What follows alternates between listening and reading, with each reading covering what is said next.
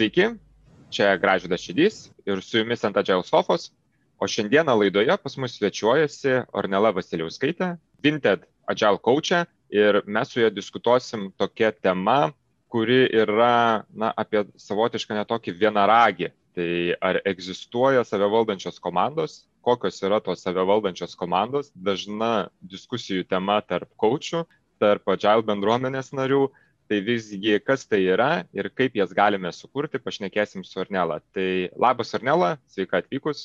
Sveikas, Gražydai, malonu būti čia. Labai, labai smagu, kad prisijungiai. Labai įdomu ir pradėti turbūt nuo to, kad, na, kas tavo manimu yra tas save valdančios komandos, kaip tu jas apibrieštum. Labai geras pirmas klausimas. Manau, kad uh, dauguma žmonių šito vietą gal ir pastringa, ar ne? Mano apibrėžimas tai gan paprastas. Yra save organizuojanti komanda, yra tokia komanda, kuri nelaukia e, kažkokių sprendimų, ką jai reikia daryti iš išorės, ar ne? Vadinasi, jinai turi visas e, rolės, kurios leidžia pačiai savo darbą organizuoti, ar ne, pačiai priimti sprendimus, kurie kryptim judėti, kaip daryti e, darbus ir taip toliau. Ne, ne visą laiką vienodai yra interpretuojama. Dėl kažkokių priežasčių žmonės dažnai galvoja, kad yra tokios komandos, kuriuose visi nariai viską gali daryti. Visi nariai visus sprendimus priiminėja ir yra tokia visiškas lygybos ženklas tarp, tarp absoliučiai visų žmonių. Jeigu pagalvoti šiek tiek iš tokio pragmatiškesnio kampo, ar ne, tai nėra jokio tikslo, kad visi žinotų viską ir visi apie viską galvotų, ar ne, nes mes dėl to ir sakom, kad norim nu, žmonių skirtingų, ar ne, su skirtingom stiprybėm, kad jų kombinacija padarytų stiprią komandą, ar ne aš labiau galvoju ne iš tos pusės, kaip, ko, kokios tos rolės yra, kokie tam žmonės yra, ne, bet labiau pagal tokį paprastą apibrėžimą. Ar ta komanda pati priema sprendimus? Ar jai reikia laukti leidimo iš išorės, ar ne? Tai iš principo, kodėl mes tokių komandų norim, tai kad turėtumėm daugiau autonomijos, ar ne, kad turėtumėm mažiau centralizuotos kontrolės ir turėtumėm tokius, nu, save valdančius unitus, ar ne, kurie gavę kryptį, gali savarankiškai tą kryptimį ir žygiuoti ir gerą rezultatą e, įmoniai nešti. Tai, žodžiu, komandos, kurios yra nepriklausomos nuo išorės, kas išeina iš komandos veiksnių, na galbūt priklausomos, bet nereikia joms papildomų laukti dažniausiai sprendimų ilgų ar panašiai. Jos geba pačios išsispręsti savo iššūkius, savo problemas, priimti sprendimus tokius, kokie yra geriausi, kad tos komandos galėtų pasiekti rezultatą, ar ne? Bet kodėl aš čia pradėjau taip apie tos vienaragius kalbėti, todėl kad daug apie tai yra kalbama, bet, na, bent jau mano praktikoje aš dažnai susiduriu, kad, na, pačios tos komandos, kai tu bandai pristatyti, kad mes norime eiti į tą save valdančių komandų esmę, dažnai užstringa tokiame lygyje, kur tai sumaišoma šiek tiek su chaosu, su anarchija. Kad, na dabar jau mes galim daryti bet ką, ką norim. Na, savotiškai pasileidžiam plaukus ir jau kaip gausis, kas gausis, tą ir darys. Tačiau, na bent jau mano manimu, tai nėra visiškai tai, ar ne? Tai yra daugiau komandos, kurios, na, vis tiek turi tikslus, turi kažkokius tai gavusios, ką jos turi pasiekti, Ar, na, kaip tu matai va šitą, ar tavo matymas panašus, ar susidūrei su tų tokių anarchiškom jau komandom, kokia tavo patirtis šioje srityje? Jo, tai pradėti turbūt reikėtų nuo to, kad kaip ir prieš tai, ar ne, prieš tai būsam klausimą kalbėjom, ar nepriklausomos yra tos komandos. Tai priklausomos, ar ne, jos priklauso organizacijai ir, ir, ir organizacija turi savo tikslus nėra tikslo padaryti, kad tos komandos visiškai atsiribojusios nuo bet ko būtų. Tai mes turim tokį kaip ir išsireiškimą, kad jos vis tiek turi būti loosely coupled, ar ne, nu, lais, laisvai su, sujungtos su likusia organizacija. Dabar apie pačią anarchiją. Gal, gal jeigu mes žiūrim į savo organizaciją kaip vienaragį, mes pradedam galvoti, kad čia yra kažkoks nu, binarinis dalykas. Arba yra self-organizacija, arba jos nėra. Mano patirtie tai yra daugiau toksai kaip ir skalė, ar ne? Komanda gali būti labai smarkiai savarankiška ir save, save organizuojant ir gali būti labai nedaug tai darant, ar ne? Jeigu mes nepasiruošusiai komandai duodam aplinką, kurioje nėra pakankamai tokių įgalinančių konstrentų, tai tada žmonėms ir trūksta tos kažkokios koordinacijos, jiems trūksta iškumo, ką jie turi daryti. Jeigu aplinkoje mes sukuriam pakankamai iškumą ar ne tikslą, ko šita komanda turi siekti, sukuriam pakankamai aiškius ribojimus arba taisyklės, kuriomis šita komanda turi vadovautis, ar ne. Ir jeigu mes žinom, kad komandos nariai turi visus reikiamus įgūdžius, ir tai nereiškia, kad visus įgūdžius turi kiekvienas iš komandos narių, ar ne? Tai jeigu mes turim produkt ownerį, ar ne, produkt manager, mes tikimės, kad ta komanda turi gebėjimą valdyti produktą ir primti produkto sprendimus, ar ne? Jeigu mes turim inžinerinį lydą, ar architektą, ar, ar tiesiog inžinierius ar ne, mes žinom ir tikim, kad jie turi e, galimybę, turi skilsus reikalingus priimti inžinerinius sprendimus. Ir tas pats galiotų apie bet kokią kitą rolę, kuri yra toj komandai. Net jeigu paimtumėm ne developmento komandas, ar ne lygiai tokia pati situacija būtų. Kaip ir trys pagrindiniai dalykai turbūt atsiranda, kad turi būti aiškus tikslas, turi būti aiš, aiškus kažkokie konstrainai, apribojimai ir turi komanda turėti tinkamus reikiamus įgūdžius tą tikslą pasiekti tose e, apribojimo rėmose. Kalbėjai apie tą skalę, kiek save valdanti komanda gali visgi būti ar turėtų būti. Koks yra tas sveikas lygis jau tavo patirties, kur atsistoti toj skaliai nuo visiško, žinai, turėtume vienoje pusėje visišką anarchiją, kitoje pusėje visiškai užspaustą komandą, kuri tik tais gauna užduotis ir, ir jas kepa kasdieną kur tavo manimu yra tas sveikas lygis tos save valdančios komandos tokiu atveju? Tai aš manau, kad anarchija bet kuriuo atveju jau nebus sveikas lygis niekada ir aš net nesu tikra, kad e, anarchija yra šitos skalės dalis, ar ne? Nes skalė iš principo pagal tos tris įvardintus rodiklius, iš principo galima ją per šitą prizmę pasižiūrėti, ar ne?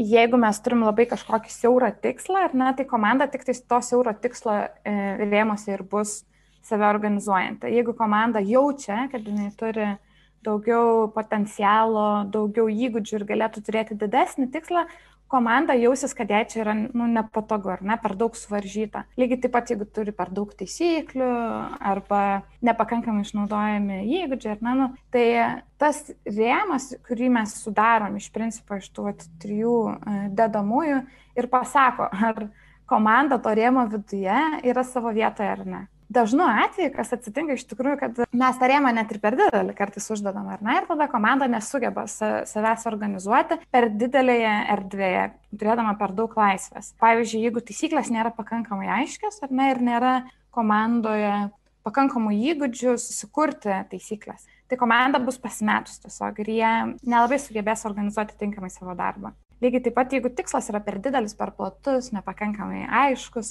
komanda nesupras, ką reikia daryti. Ir aišku, jeigu nėra tinkamų gebėjimų, pasiekti tą tikslą ar padirbti tose sutiktose apribojimuose, ar jie būtų labai maži, ar jie būtų labai dideli, komanda nevažiuos. Tai iš principo problema, kurią mes sprendžiam su save organizuojančiam komandom, tai yra kaip atrasti tą aplinką, tą rėmą, į kurį mes įdedam komandą, kuris atitiktų tos komandos sugebėjimus. Kad tikslas būtų jiems aiškus ir jie galėtų jį pasiekti. Aišku, mes čia ne tik, kad mes norim, kad atitiktų, žinai, tas rėmas pilnai, visą laiką yra tas toksai sweet spot, ar ne? Tas stretch zone, ar ne, jeigu mes turim komforto zoną, viskas žemiau komforto zonos yra nuobodulys, ar ne, pasikartojantis darbai mūsų ne, neskatina, neaugina. Ir jeigu labai toli nuo komforto zonos, tai yra tas panikos modas, aš nesuprantu, ką daryti reikia, man baisu. Ir, ir aš labiau tada noriu eiti kažkur, kur man, jūs man pasakykit, ką daryti, ar ne. Tas pats saldžiausias taškas yra šiek tiek aukščiau negu komforto zona. Tai va, čia dėl to galbūt ir yra taip sudėtinga atrasti tas uh, gerus pavyzdžius save organizuojančių komandų, nes iš tikrųjų tu pamatysi patį didžiausią potencialą, jeigu mes atrasim va, tą saldų tašką, kur yra šiek tiek aukščiau negu komforto zona ir sukursim būtent šitą erdvę komandai naudodami tris aspektus - tai tikslus, e, taisyklės ir kažkokius ribojimus ir gerindami komandos narių gebėjimus. Arba mokindami komandos narius, arba pasamdydami papildomą rolį komandą. Kaip rasti tą sweet spot tada? Mhm. kokiais būdais vat, prie tos free spot prieiti. Ar reikia tiesiog, na, tų e, bandymų keliu, trial and error, ne, bandau taip, matau, kad pasimeta komanda, per daug ištempiam dėžutę tą ar ne, matau, kad jai nuobodu, reikia plėsti, ar yra kažkokių tai metodologijų gal čia kaip prie to prieinama. Trial and error, manau, yra tas tikrai approachas, kurį aš ir pati taikau, ar ne? Vieną tokį pavyzdį iš savo patirties prisimenu ir dažnai naudoju, kai kalbu apie va, tą saviorganizaciją komandų. Buvau prisijungus kaip tik neseniai prie, prie vienos įmonės ir tokia buvo ten situacija, kad produkt manageris San Franciske dirbo, visa komanda buvo Lietuvoje.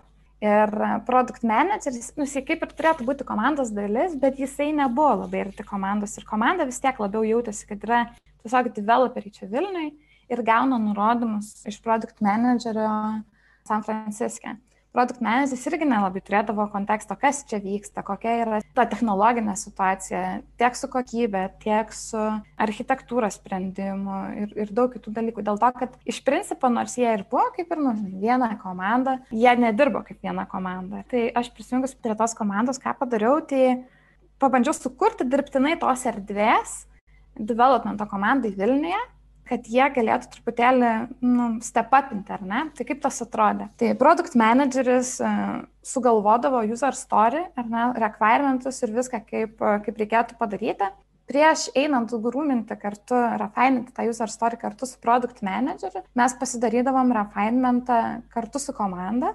Nu, aš jų tiesiog klausdavau, ar jūs suprantat, ko, ko nori, ko siekia, kaip tai siejasi su ką mes prieš tai darėm, kaip tai siejasi su mūsų ateities planais, ar ne. Ir tas supratimas komandoje buvo, ar ne, tiesiog jo niekada niekas labai ne, ne, ne challenge'indavo, ar būt ne, ne, nepaklausdavo taip atvirai. Dauguma žmonių toje komandoje tikrai buvo labai, labai gaivus developeriai ir ganėtinai tokio aukšto seniority lygio. Ir jie tiesiog ne dėl savo capability, ar ne, buvo įsprūsti tokį labai, labai siaurą rėmą bet suprasdavo viską ir jie tada sakydavo, nu tai dėl to darom, ar ne? Ir, ir tada sakau, o, kas, kas yra dabar su to user story, kodėl kelia jums tokį, nu, nepasitenkinimą ar kažkokį pasipriešinimą, nu vis tiek matai žmonių veido išraiškas, ar ne? E, ir jie sakydavo, nu tai šitą aš visiškai kitaip spręsčiau, šitas, va, čia mes turim tokį kontekstą, tokią problemą, nemake sense tiesiog. Ir sakau, okei, okay, o kodėl mes negalim to pasakyti produktuneriui? Na ir tada būdavo tokia, nu tai neklausia, nu tai jau atneša padarytą sprendimą. Ir ką mes atradom, kad mes galim atnešti pasiūlymą. Ir kad produkt manageris iš tikrųjų labai džiaugiasi, kai mes jam atnešam pasiūlymus. Tiesiog, kai laiko skirtumas nemažas, kažkokie lūkesčiai, lūkesčiai tarp produkt manager komandos nesuderinti, tada atsiranda tokia problema, kad produkt manageris yra įmonės kontekste laikomas atsakingu už visos komandos veiklą, na ir ne visi žmonės sugeba tą atsakomybę deleguoti arba, kaip pasakyti, ne patys viską padaryti, ar ne, kai yra už kažką atsakingas. Nu, tas va, toks kontrolės yra momentas kartais. Mes su ta komanda pradėjom tiesiog tokią praktiką, kad refaininam be produkt managerio ir refainmentus tada ateinam tikrai labai jau gerai pasiruošę su alternatyvom, pasiūlymais, pačialenžintami tos requirements, produkt manageris labai džiaugiasi, ar ne? Jam tikrai visi pasiūlymai atrodo logiški, pagristi, jam nusiema nemažai to darbo. Laikui bėgant mes ir išmokom, kad mums nereikia, kad jis atneštų surašytus e, ten requirements, acceptance kriterijus, dizainus nupieštus, kol mes dar nepasižiūrėjom truputėlį į aukštesnėme lygyje problemą apibrėžtą. Tokiu labai paprastu būdu ta komanda pradėjo savo kelionę į labiau save organizuojančią komandą. Tai kaip ir matai, ar ne, galima tiesiog eksperimentuojant sukurti erdvę, kurioje leidi komandai pasibandyti, ar jie gali stepininti šiek tiek, ar, ne, ar, ar negali. Jeigu negali, nu, turbūt kažką kito reikia bandyti. Šiek tiek bandyti pastumti iš komforto zonos jas kartais, kurie pripratę, ar ne, tiesiog.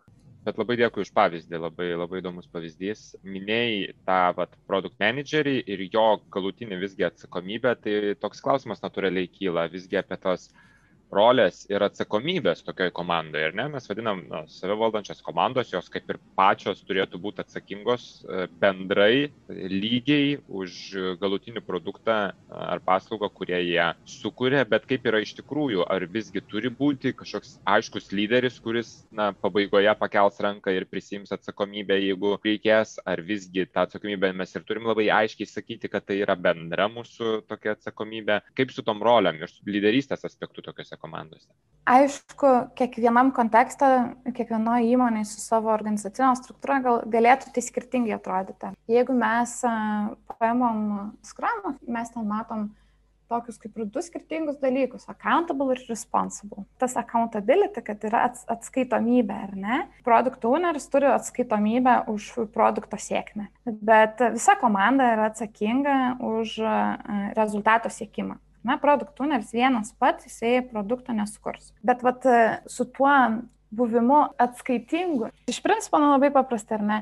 Jeigu gerai, ką pagirs, na ir jeigu blogai, ką papeiks, grubiai tariant, ar ne. Tai skramo kontekste natūralu yra tikėtis, kad tai yra produkt owneris, ar ne, nes produkt owneris yra atsakingas už bendravimą su stakeholderiais. Iš principo komanda pati kaip po tokia, jinai stakeholderių lūkesčių nevaldo ar ne, valdo produkt owneris, jis žinoma gali supažindinti komandą ir net labai rekomenduotina būtų, kad supažindintų su vartotojais, ar tai jie būtų gyvi, ar, ar personos kažkokios pavydalo, ar ne. Bet atskaitomybė už stakeholderių lūkesčių atitikimą iš principo krenta produkt owneriai. Turbūt reikia tiesiog priimti kaip duotybę, ar ne, kad ne visi žmonės mėgsta prisimti atskaitomybę, jeigu jie šimtų procentų nekontroliuoja situacijos galiu pažadėti, galiu pasakyti tik tai kažką, už ką aš pati esu atsakinga, ką aš pati savo rankomis padarysiu, ar ne. Ir vat šita baime kartais jinai ir lemia mikromanagemento kažkokią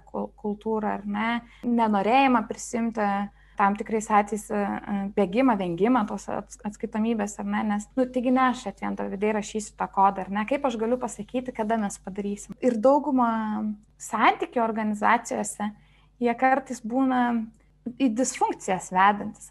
Spaudimas netolygus ne daromas, nesupratimas, vat, kaip mes norim tą komandą įgalinti. Daug iš tikrųjų yra tų iššūkių, kurie dažnu atveju, aš manau visgi, kad ateina iš mūsų tų tam tikrų žmogiškų savybių, kurias reikia atpažinti ir, ir su jam tvarkytis. Asmeninių baimių kažkokiu tai, žodžiu, tokių. Taip, taip, taip, yra tie kognityv biasai, ar ne, kurie taip. dažnai lemia mūsų tos pasąmoningus sprendimų prieimimus. Bet kiek komandas visgi, dar jeigu taip analizuotumėm atsakomybės, čia yra. Aš pavyzdžiui, tikrai buvau susidūręs tokiam situacijom, kada na, komanda jauti, kad nori daugiau tos atsakomybės ir jinai gebėtų prisijimti daugiau tos atsakomybės. Tačiau jeigu mes jau pakreipiam diskusiją apie tai, kad na, jūs turite tada suvokti, kad jūs ir na, tą atsakomybę prisėma didesnę, kad nu, galų gale jūs dabar daugiau patys turėsit nuveikti, jūs norite daugiau laisvės, jūs galbūt turite ir daugiau atsakomybės pasiimti. Ir na, rezultate tada atsiranda tokių dviejonių pačioj komandai, kad, na, bet kaip mes čia galim būti visiškai galutinai atsakingi, čia dar yra kita komanda, nuo kurios mes kažkiek priklausomi, čia dar kažkas kitur atsiranda, tokia savidvėjonės ir, na, tuomet patys išsigąsta tos atsakomybės. Ar turėjai kažką panašaus ir kaip galbūt dylinai su tokia situacija? Viena iš skramo vertybių yra drąsa ir aš manau, kad drąsa čia yra labai svarbus dalykas, tai aš visą laiką stengiuosi žmonės padrasinti Kitas labiau pragmatiškas galbūt aspektas yra rizikos valdymas. Tai iš principo gali labai nu, pagalvoti ir įsivertinti, kas blogiausia gali atsitikti, kaip mes galim susimažinti tas rizikas, kaip galim daryti mažesnį, tarkim, eksperimentą, ar ne, kaip galim susikurti to daug, daugiau savo saugumo, ar tai būtų susiderinti su komanda, nuo kurios esame priklausomi, ar ne.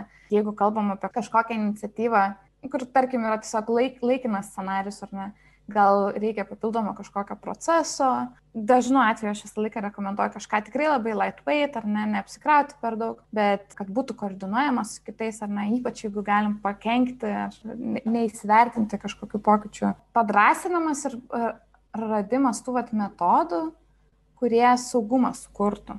Manau, šitie vat, būtų keli dalykai, ką galima būtų parekomenduoti tokioje situacijoje na daug kalbam kaip tokios komandos turėtų atrodyti kaip jas sukurti ir panašu kad tikrai nelengva daug darbo reikia įdėti. Tai kodėl stengtis? Kuo tokios komandos visgi pranašesnės ar ne? Kodėl mums tiesiog nepalikti visko na, kažkaip tai savieigai kaip gausis taip gausis kuo visgi tos save valdančios komandos lyginant su galbūt tokiam klasikiniam komandom suvokiamam ar ne visgi pranašesnės ar turi kažkokių tai teigiamų savybių daugiau? Aš gal tada pasakysiu, kaip aš suprantu tas kaip sakai, klasikinės komandos, nežinau, čia turbūt e, nėra tokio apibrėžimo kaip klasikinė komanda, bet e, gal tiesiog palyginimai, kuo savi organizuojanti komanda skiriasi nuo setupo, kuriame mes turim mąstytojus ir darytojus, ar ne? Čia, manau, gal pagrindinis toks ir yra skirtumas, kad e, save organizuojanti komanda ir pati masto, ir pati daro, o kitais atvejais kažkas pamasto ir, ir duoda ar tai komandai, ar individualiam kontributoriam padaryti, ką jau yra sumastę. Tai reikia atsižvelgti į kontekstą, kuriame mes dirbame. Aš dažniausiai dirbu programinės įrangos kūrimo kontekste ir tas kontekstas yra tikrai labai kompleksiškas.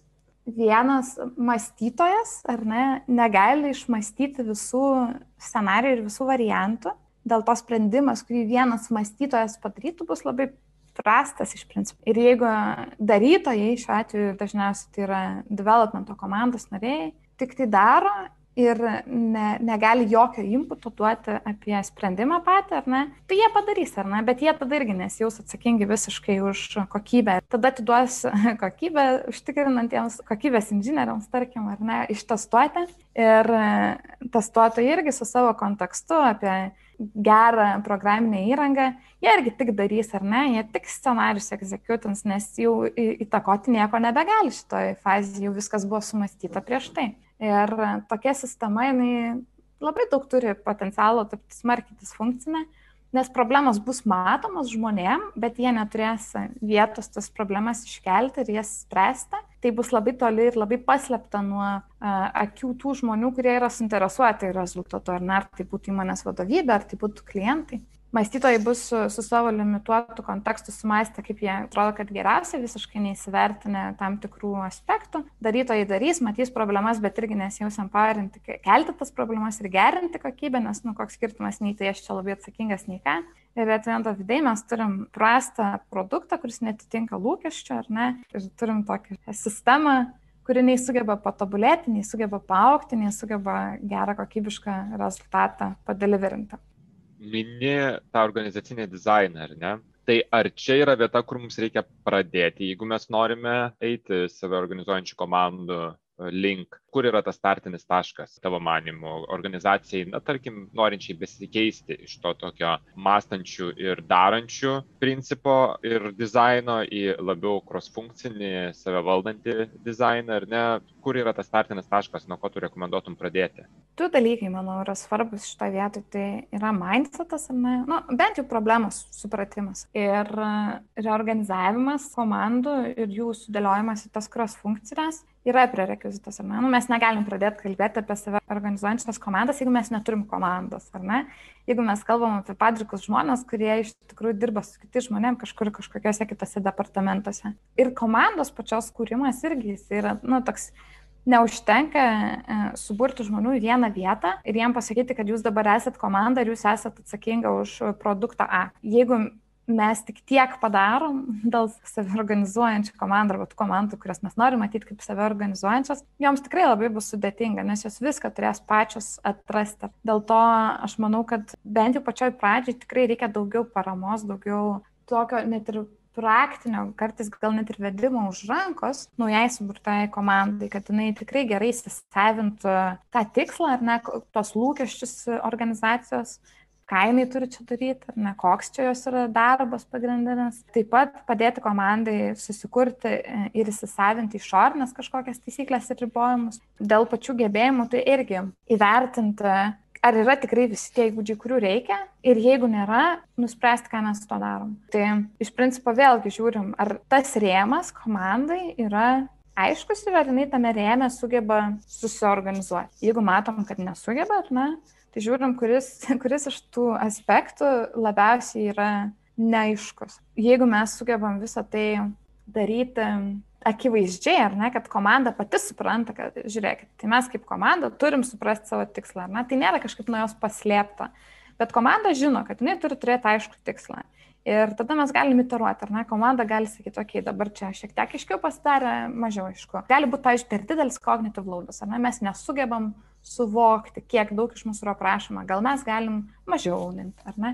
Bet kad toksai dialogas atsitiktų, ar ne, tarp komandos ir, ir likusios organizacijos, reikia iš tikrųjų, reikia to mindseto, reikia, reikia ir tos tam tikros brandos ir to tam tikro saugumo jausmo. Ir va čia, aš manau, yra pati sudėtingiausia dalis padaryti. Nes vėlgi labai dažnu atveju atsiremsim į žmogiškus tos dalykus, tiek ir į tą patį ego, tiek ir į baimės, kurios nebūtinai yra pragmatiškos, ar ne, kaip ir tu minėjai, bijo tos nežinomybės žmonės, ar ne. Ir sukurti tą saugią atmosferą komandai, kad jinai nesibaidytų tos nežinomybės, o iš tikrųjų embracintų ją ir primtų kaip, na žinai, agile kontekste, tai tiesiog yra realybė, ar ne. Čia aš manau tikrai reikia, reikia ir su mindset dirbti, bet to, bet to sunku bus. Tai žodžiu, organizacinė struktūra, kaip ir rekvizitas, e, jinai kažkiek yra reikalinga, bet taip pat e, mindsetas yra tas dalykas, kuris, jeigu nėra jau in place, tai turėtų būti bent jau suvoktas, kad kažko trūksta, jis dirbama su tuo ar ne, tada mes galėsim judėti link tų daugiau save organizuojančių komandų. Ir dar minėjai, kad e, ne pro šalį ir išorinės pagalbos pasiprašyti. Na, išorinės bent jau komandom, galbūt tai yra ir e, vidinis organizacijos žmogus, ateitų ir padirbtų, pačialinžintų kartais būtent jau tas komandos, kurios yra toj tranzicijai. Dar tokį vieną paskutiniųjų klausimų turiu bendrai, ko galima pasimokyti iš tokių komandų klausys e, mūsų klausytojai, kurie sakys, na, tas agilas man buvęs, nebuvęs. Mes šiandien iš tikrųjų nesistengiam būti visiškai agile, bet norim paklausyti tiesiog kasdienių praktikų. Tai ko galim išmokti iš tų save valdančių komandų, ką tu pastebėjai tokio, ką galima būtų na, išimti ir sakyti, kad čia tiesiog yra praktika. Tai turbūt praktikos neteina visiškai iš, uh, iš to, ar, ar komanda yra save organizuojanti ar ne.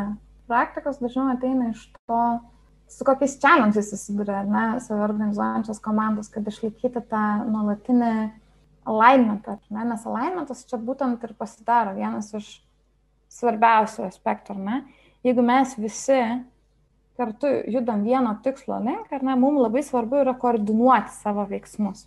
Tai jeigu tu galvoji būtent per save organizavimo prizmę ir pažiūri į Scrum framework, tau visiškai kitaip viskas pradeda atrodyti negu jeigu tu, pažiūrėjau, taikai tą frameworką komandoje, kuri yra gal ir suburta į, į, į tą tokią kokios funkcinę grupę, bet vis tiek labiau, žinai, e, galvotojai pagalvoja, darytojai padaro, ar ne? Ir čia irgi dažnas yra toksai, kaip, pažiūrėjau, struktūrą pakeiti, bet mindsetą neįdėgė, ar ne? Tai to, tokią turim situaciją. Gal kaip minties užduoti pasiūlysiu pagalvoti apie pačią paprasčiausią techniką, tai e, daily stand-upas. Kaip jūs savo komandoje darote daily stand-upą? Ar kiekvienas pasako, ką jis vakar darė ir ką jis šiandien darys ir ar jis turi problemų. Tada fokusas yra apie užimtumą. Arba kitas variantas, kaip galima daryti dėlį stand-upą, galim šnekėti apie darbus. Mūsų e, backlogas yra suprioritizuotas viršai patys svarbiausi dalykai, dešiniai lentos pusėje yra dalykai, kurie yra arčiausiai pabaigos.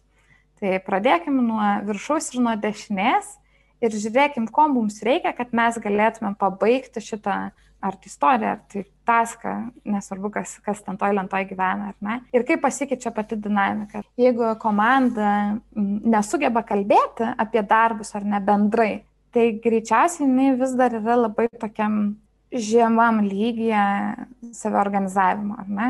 Kad jie vis tiek labiau yra kaip individualus kontributoriai ir šneka labiau apie ką aš dariau, ką aš darysiu, ar ne? Jeigu mes kaip komanda fokusuojamės į darbus, į užduotis, ar ne, tai tada yra šiek tiek toksai aukštesnis uh, saviorganizavimo lygis. Tai čia vat tokį paprasčiausią turbūt uh, pasiūlymą galiu duoti. Gerai, labai dėkui už visas išvagas, Ornela. Pabaigai aš visada prašau savo pašnekovų, na, parekomenduoti kažką tai pasimokymui. Tai gal turi gerą knygą apie savivaldančias komandas, gal tiesiog apie agilą arba kažkokią lyderystės dalį, kuri tau iš tikrųjų tiko, patiko ir norėtum pasidalinti su klausytojais? Tai aš manau, kad e, yra daug geros literatūros. Pagrindiniai klausimai, su kuriais aš susiduriu dirbdamas su save valdančiam komandom, dažniausiai yra apie sprendimų prieimimą, apie tą aplinkos sukūrimą, ne, apie komandinės atmosferos kūrimą. Tai apie sprendimų prieimimą yra toksai Core Protocols konceptas, knyga, dabar neprisimenu, bet manau, ją galima atrasti tiesiog paguglinus Core Protocols. Tikrai įspūdį man karjeros pradžioj paliko Management for Happiness arba Management 3.0.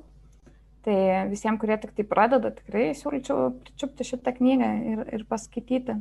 O iš va tokių neseniai atrastų dalykų, kas irgi labai padėjo man suformuoti savo mąstymą, tai vienoje konferencijoje girdėjau iš tokio coacho Peter Green, jisai pristatė savo idėją e, Three Jobs of Agile Leaders ar Agile Managers ir kalbėjo, kad uh, trys pagrindiniai darbai, ką turi daryti vadovai Agile kontekste, tai kurti aiškumą, tobulinti pačią sistemą ir, ir didinti sugebėjimus. Tai vad Peter Green irgi siūlyčiau pasigūglinti, pasieškoti Mano receptas iš tikrųjų yra daug ir skirtingai imti ir žiūrėti, kas tinka ir eksperimentuoti, bandant pritaikyti, ar ne? Jokia knyga turbūt nepasakys, kaip, kaip viską daryti.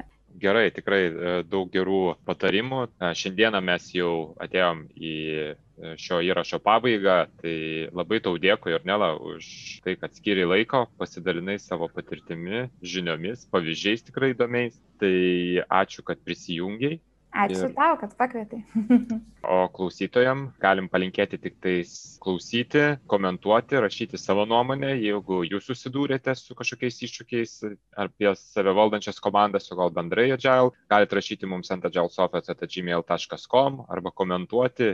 Na, o šiandien tiek, su jumis buvo ant Agile Sofos, dėkui, kad klausėt ir iki kitų įrašų.